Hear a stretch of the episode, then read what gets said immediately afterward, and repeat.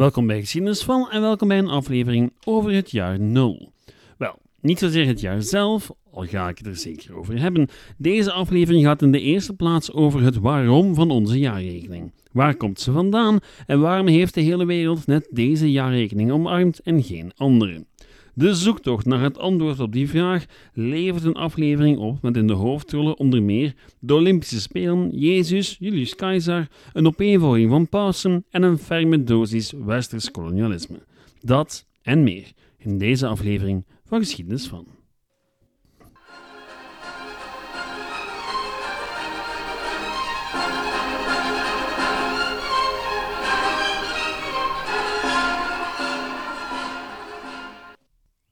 Als ik de eerste hand leg aan het script van deze aflevering, is het 23 juni 2023. 2023 na Christus of 2023 onze tijd. Een kwestie van voorkeuren welke benaming je kiest. Nu, dat alles suggereert een opeenvolging van jaren die ergens moeten beginnen. In dit geval een jaar 1 of een jaar 0. Nu, wat dat laatste betreft kan ik al de clue weggeven. Het jaar 0 bestaat helemaal niet. Er is enkel het jaar 1 onmiddellijk voorafgegaan door het jaar 1 voor Christus of voor onze tijd. Het zou niet onlogisch zijn om aan te nemen dat er iets vreselijk belangrijks gebeurd is in een van die twee jaren, als ze vervolgens de basis voor onze collectieve wereldwijde jaartelling zouden gaan vormen. Een reden waarom net dat moment de basis vormt voor onze moderne jaartelling. Wel, laten we even een blik werpen op wat er gebeurde in die twee jaar. Het jaar 1 voor onze jaartelling kwam er een nieuwe keizer op de Chinese troon. In Rome werd er een nieuwe consul aangesteld. In Kush een nieuwe koning. En ja, dat is het zo wat. In het jaar 1 van onze jaartelling onderdrukten de Romeinen een Germaanse opstand. En, um, wel, meer gebeurde er niet echt volgens Wikipedia dat echt de moeite waard is. Nu, aan zich is een nieuwe keizer en een consul en dergelijke wel boeiend. Maar is het de moeite waard om er heel onze kalender rond te laten draaien? Wel, ik dacht het niet. Maar, hoor ik sommigen al vragen, wat dan met de geboorte van het kindje Jezus? Wel, want ja, we hebben het nu eenmaal vaak over voor en na Christus, en daar komt inderdaad initieel ook het hele idee vandaan. Het waren nu eenmaal religieuzen die onze huidige jaartelling hebben gecreëerd, en hen leek het maar logisch dat die zou beginnen met de, in hun ogen belangrijkste gebeurtenis sinds het begin der tijden, namelijk de komst van de Messias, de Zoon van God, Jezus Christus. Nu, los van de vraag of die Jezus nu echt de Zoon van God was, is er een fundamenteel probleem met het hele idee. Want Jezus werd helemaal niet geboren in het jaar 1 of het jaar ervoor. Hij werd, naar alle waarschijnlijkheid, geboren tussen het jaar 4 en het jaar 6 voor Christus. Men had zich misteld. Gewoon misteld. Latere geleerden zouden een goede blik op de Bijbel en de geschiedenis van de periode werpen en terecht opmerken dat als die baby geboren werd tijdens de regeerperiode van Herodes, dat dan moest gebeurd zijn voor 4 voor Christus, toen de genoemde Herodes het loodje legde en overleed. Nu, uh, korte voetnoot voor zij die zich afvragen wie dan de Herodes was die het hoofd van Johannes de Doper liet serveren aan zijn vrouw. Dat is de zoon van de eerste, Herodes Antipas. De eerste was die van heel het gedoe met de wijzen, de kindermoord en de vlucht naar Egypte. Excuses voor het oponthoud, maar ik was zelf eventjes in de war en heb het dan maar opgezocht. Goed, er bestaat nog een tweede mogelijke datering die de geboorte zou plaatsen in 2 voor Christus, maar hoe dat precies in elkaar zit, wel, dat bespaar ik u. Dit alles om maar te zeggen dat onze tijdsrekening niet op de stevigste fundamenten gebouwd is. Verwacht u in deze aflevering dus niet aan een uitgebalanceerd verhaal waar alles mooi in elkaar klikt en er voor alles een logische verklaring is. Nu, dat zou je misschien verwachten als we het hebben over iets rationeels als een jaartelling, maar niks is minder waard. Het kiezen van een jaartelling is per definitie arbitrair en weinig rationeel. En als we zeer kritisch gaan kijken naar hoe onze voorouders de tijd bijhielden, dan kom je al snel tot de conclusie dat we voor een heleboel historische gebeurtenissen niet exact weten wanneer die nu precies hebben plaatsgevonden. Of dat het in elk geval een pak minder vanzelfsprekend is dan je op het eerste zicht denken zou. Maar nu loop ik vooruit op de feiten. Misschien moeten we beginnen bij het begin. Jaartellingen en waar ze eigenlijk vandaan komen. Omdat we vandaag de dag zowat over de hele wereld dezelfde jaartelling hanteren, zou je tot de conclusie kunnen komen dat zo'n jaartelling iets typisch westers is. En niks is minder waar. Zoals elke beschaving die zich gevormd heeft sinds het ontstaan van steden en landbouw, had nood aan een systeem om te weten wat wanneer gebeurde. Voor hun administratie, hun economie, hun geschiedenis enzovoort. Bij gevolg kan ik u meedelen dat we momenteel in het jaar 2776 van de Romeinse jaartelling leven, 1472 van de Armeense, 6773 van de Assyrische, 2973 van de Berberse, 2576 van de Boeddhistische, 1445 van de Islamitische, 4356 van de Koreaanse en ik zou zo nog een hele tijd kunnen doorgaan. Nu, die allereerste jaartellingen waren redelijk moeilijk om je weg in te vinden. En dat verklaart ook waarom specifieke data voor gebeurtenissen nogal moeilijk vast te leggen zijn. Ik heb het dan over de Sumerische jaartellingen, de Assyrische, de Babylonische enzovoort. Dat zit zo.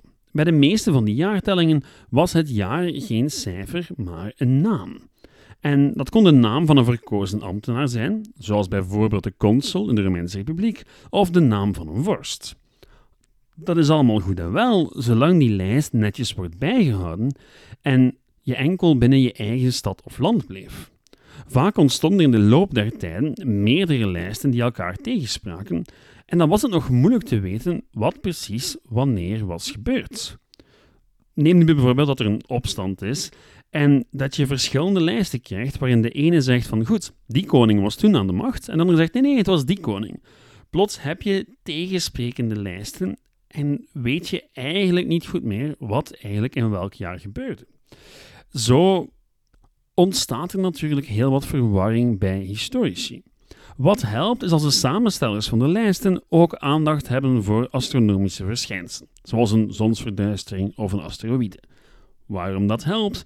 Wel, omdat moderne astronomen zeer precies kunnen berekenen wanneer die zaken hebben plaatsgevonden. En zo kunnen we die lijsten naast onze eigen jaartelling leggen en zeer precies berekenen welk koningsjaar samenvalt met welk jaar voor of na Christus. Nu, dat is een moderne luxe. Het beste wat men vroeger kon doen was proberen een gemeenschappelijke tijdsrekening in elkaar te knutselen die de vele kleinere oversteeg. Een van de beste voorbeelden daarvan is de Olympische tijdsrekening, die aanvat vanaf de eerste Olympische Spelen in 776 voor Christus. Ze werd vooral gebruikt door historici en geleerden om een breed publiek te kunnen bereiken. Want ja, als een Athener een werk schreef dat gelezen zou worden door een Thebaan, een Spartaan en een Corinthiër, dan was het wel handig als die allemaal dezelfde jaartelling hanteerden. En niet onmiddellijk moesten gaan opzoeken wat nu precies het Atheense jaar van Cleon was. En zo geschiedde uiteindelijk. Desalniettemin duurde tot de derde eeuw voor Christus voor iedereen in de Griekse wereld in het dagelijks leven de Olympische tijdsrekening hanteerde. Naarmate de wereld steeds kleiner werd en er steeds grotere rijken opdoken, werden de regionale en stedelijke jaarrekeningen vervangen door die van koninkrijken, keizerrijken en uiteindelijk grote religies. Al bestonden er vaak meerdere jaarrekeningen tegelijkertijd. Dat is vandaag trouwens nog zo, maar daarover later meer. In Rome bijvoorbeeld kon je het jaartal noteren aan de hand van de namen van de regerende consuls, in relatie tot de stichting van de stad in 736 of aan de hand van het jaartal van de regeerperiode van de heersende keizers. De Mayas hadden een mythisch startpunt in een ver verleden, tegenwoordig uitgerekend als 11 augustus 3114 voor Christus. Nu, dit alles vertel ik om duidelijk te maken dat er vroeger een heleboel variatie was in tijdsrekeningen. En eigenlijk is die er nog steeds, want veel van die systemen bestaan nog vandaag de dag en worden gebruikt. De islam heeft zijn eigen telling, die begint met de vlucht van de profeet Mohammed van Mekka naar Medina, en een heleboel andere culturen en religies hebben iets gelijkaardigs. Als ik zeg dat men er nog gebruik van maakt, moet je daar wel een voetnoot bij zetten. Men gebruikt het nog tot op zekere hoogte. Feit is dat er één telling is die over de hele wereld aanvaard en gebruikt wordt, namelijk de westerse of de van hun oorsprong christelijke. Dat heeft zo zijn redenen. Maar laat ons eerst eens een blik werpen op het ontstaan ervan. Het ontstaan van onze hedendaagse jaarrekening heeft alles te maken met de val van het Romeinse Rijk. In West-Europa was het eeuwenlang dat Romeinse Rijk dat een heleboel zaken bepaalde. Wetten, religie, cultuur, wetenschap en jawel, hoe men de tijd bijhield. Er waren steeds meerdere systemen tegelijkertijd in voegen en om de zoveel tijd was er wel een of andere slimmerik die besloot dat het tijd was voor een nieuw, rationeler systeem. Vriend van de show bijvoorbeeld, Julius Caesar, kwam af met de Julische kalender, die voor een groot stuk heeft meebepaald hoe we vandaag naar weken, maanden en jaren kijken. Nu, in 525 na Christus besloot iemand dat er nood was aan een nieuwe tijdsrekening, want de wereld was niet langer dezelfde als voorheen. In 525 na Christus was het West-Romeinse Rijk dood en begraven, maar haar belangrijkste erfgenaam was nog steeds dominant in West-Europa, zijnde de kerk. En de politieke rol had men dan wel overgelaten aan Germaanse barbaren, zoals de Goten, de Franken of de Vandalen, maar de religieuze, culturen en wetenschappelijke rol, die had men nog in handen. Het Oost-Romeinse Rijk was nog in leven en hanteerde de zogenaamde Byzantijnse kalender, die als startpunt de creatie van de aarde heeft, zo'n 7532 jaar geleden, om exact te zijn. Wel, exact volgens de berekening van de geleerden die de kalender opstelden. Die kalender staat bekend onder de nummer Anno Mundi, oftewel het jaar van de wereld. Nu, in 525 besloot een monnik in Rome met de fantastische naam Dionysius Exigus dat die kalender en alle anderen niet langer voldeden. Hij maakte een nieuwe op die begon met het jaar van de geboorte van Christus, oftewel Anno Domini, het jaar van onze Heer. Het jaar waarin hij toen dacht dat Christus geboren was. Er was de nodige verwarring in zijn tijd, omdat de consullijsten niet altijd even correct waren en regeerperiodes van keizers even goed voor interpretatie vatbaar. Het mag dus niet verbazen dat hij er het verkeerde jaar uitpikte. Nu kunnen we de vraag stellen waarom hij het nodig vond om een nieuwe kalender te ontwerpen. Wel, we zijn het niet 100% zeker. Misschien wou hij mensen gewoon geruststellen. Want er waren immers geleerden die geloofden dat de wereld zou eindigen 500 jaar na de geboorte van Christus, en door zichzelf in het jaar 525 te situeren, loste hij dat probleem mooi op. Feit is dat we het niet echt weten. Nu, Dionysius mag zijn tijdsrekening dan wel bedacht hebben, dat wil helemaal niet zeggen dat hij zomaar uit het niks de tijdsrekening gaat worden die over de hele wereld wordt gebruikt. Initieel wordt het slechts terloops hier en daar gebruikt, en van de eerste bekende historicus die er gebruik van maakt, zullen de meeste van jullie nog nooit gehoord hebben, namelijk Bede. Bede was een Anglo-Saxisch historicus in de 8e eeuw voor Christus en gebruikte voor Christus in zijn werk. Veel belangrijker dan Bede was uiteindelijk een zekere Karel de Grote. Nu, onder de Grote was er een poging om de wetenschap en cultuur van het Romeinse Rijk nieuw leven in te blazen. De zogenaamde Carolingische Renaissance. En hij probeerde het Romeinse Rijk nieuw leven in te blazen, niet enkel door zichzelf tot keizer te laten kronen, maar evengoed door zich achter een heleboel geleerden te scharen die de basis zouden leggen voor de westerse wetenschap voor de komende 500 jaar. Het is dus geen detail dat Alcuin, Carlos hofgeleerde, uit Engeland kwam. En dus wel bekend was met die jaartelling gehanteerd door Bede. En in de eeuwen die volgden zou zowat elke middeleeuwse vorst in West-Europa, met een hoge dunk van zichzelf, in de voetsporen van Karel de Grote willen treden. Op politiek, militair en jawel ook op religieus en cultureel vlak. En van de 11e tot de 14e eeuw na Christus zou het ene katholieke koninkrijk na het andere Anno Domini aannemen als hun tijdsrekening. Portugal was de laatste in 1422. Daarvoor hadden de Portugezen en de Spanjaarden nog een aparte tijdsrekening die aanvatte met de volledige Romeinse bezetting. Swat, klein detail.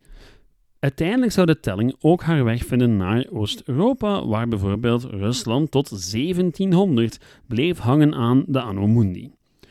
Er ligt echter geen rechte lijn tussen Karel de Grote en nu. Om de zoveel tijd gebeurde er iets wat de mensen die ermee verbonden waren deed denken dat dit echt wel belangrijk genoeg was om een nieuwe tijdsrekening in te voeren. Sommige van die pogingen waren al meer succesvol dan andere, maar geen enkele wist Anno Domini aan de kant te schuiven. De Franse Republiek bijvoorbeeld voerde zijn eigen kalender in, die begon met het ontstaan van de Republiek. Een klik wetenschappers in 1844 riep 1789 uit tot jaar 1 en de Italiaanse fascisten hadden als jaar 1 natuurlijk het jaar dat ze aan de macht kwamen. Nu, uiteindelijk zouden al die tellingen naar de vuilbak verwezen worden. En wat rest is de anno domini. Waar we het nog niet over gehad hebben, is hoe het komt dat zowat heel de wereld vandaag de dag min of meer dezelfde jaarrekening hanteert. Min of meer, want heel wat landen en culturen maken nog steeds gebruik van hun eigen jaarrekening als het om culturele of religieuze doeleinden gaat. Zo wordt de datum van heel wat religieuze feesten over de hele wereld bepaald aan de hand van de eigen religieuze of culturele kalender. Denk maar aan de Ramadan of Chinees nieuwjaar. Eens men het over politiek en economie heeft echter, past men zich aan en worden er vaste data geprikt die zich aan Anno Domini houden. Al heeft men het tegenwoordig wel steeds vaker over BCE en ACE. Before Common Era en After Common Era, oftewel voor en na onze tijd. Dat past wat meer bij een moderne, geseculariseerde en gemoderniseerde wereld, maar tegelijkertijd blijft het wel degelijk een jaarrekening die zeer christelijke wortels heeft en desondanks overal ter wereld gebruikt wordt door zowat iedereen. Maar waarom? Wel, het antwoord is relatief eenvoudig. Um, in één woord, westers imperialisme. Wel, dat zijn er twee, maar het komt daar wel op neer. Imperialisme. De westerse dominantie tijdens de 19e en 20e eeuw. In de loop van de 19e eeuw werd het Westen de dominante macht in de wereld. Azië was veel van haar macht en invloed kwijt en de westerse wereld was in het gat gesprongen. Resultaat: een ontluikende wereldeconomie die volledig gedomineerd werd door het Westen. Niet in het minst omdat er maar al te vaak gebruik gemaakt werd van zogenaamde gunboat diplomacy, waar er plots een bewapend schip opdook in pakweg Japan en dan eiste dat men moest onderhandelen met Britten, Fransen, Spanjaarden enzovoort, of men zou de hele haven opblazen. Nu, dit leidde ertoe dat heel wat culturen de havens moesten openen en zich voor een stuk moesten aanpassen. Want wie mee wou in de wereld en handel wou drijven met het Westen, kon maar beter hun alfabet overnemen. Net als hun kilogrammen, hun meters en jawel, hun kalenders en hun jaartellingen. En dan heb ik nog niet eens gehad over de plekken die manu militari ingelijfd werden, de kolonies, waar men simpelweg de gebruiken van de bezetter moest overnemen. Het feit dat de hele wereld dezelfde jaartelling hanteert, heeft dus alles te maken met westers imperialisme. Of hoe een van de vele jaartellingen binnen het christendom uiteindelijk uitgroeide tot de jaartelling die de hele wereld gebruikte. Het is een verhaal van macht, een verhaal van cultuur, van religie en uiteindelijk een verhaal van iets dat wij als vanzelfsprekend nemen, omdat het tegenwoordig ook gewoon vanzelfsprekend is. En daar gaan we het vandaag bij laten. Niet omdat er niks meer te vertellen valt over jaartellingen, maar omdat onze tijd erop zit. Ik zou het nog kunnen hebben over een heleboel details, zoals het verschil tussen de verwekking en de geboorte van Jezus Christus en welke gevolgen dat heeft voor de jaartellingen, of de hele discussie rond nieuwjaar. Nu, die laatste discussie krijgt u vroeg of laat nog wel te horen, waarschijnlijk rond 1 januari. Zwat. Met reacties en suggesties kan u zoals altijd terecht op het e-mailadres geschiedenisvan.outlook.be, de Facebookgroep Geschiedenis van en de website geschiedenisvan.be. Bedankt voor het luisteren en tot volgende week. Ciao!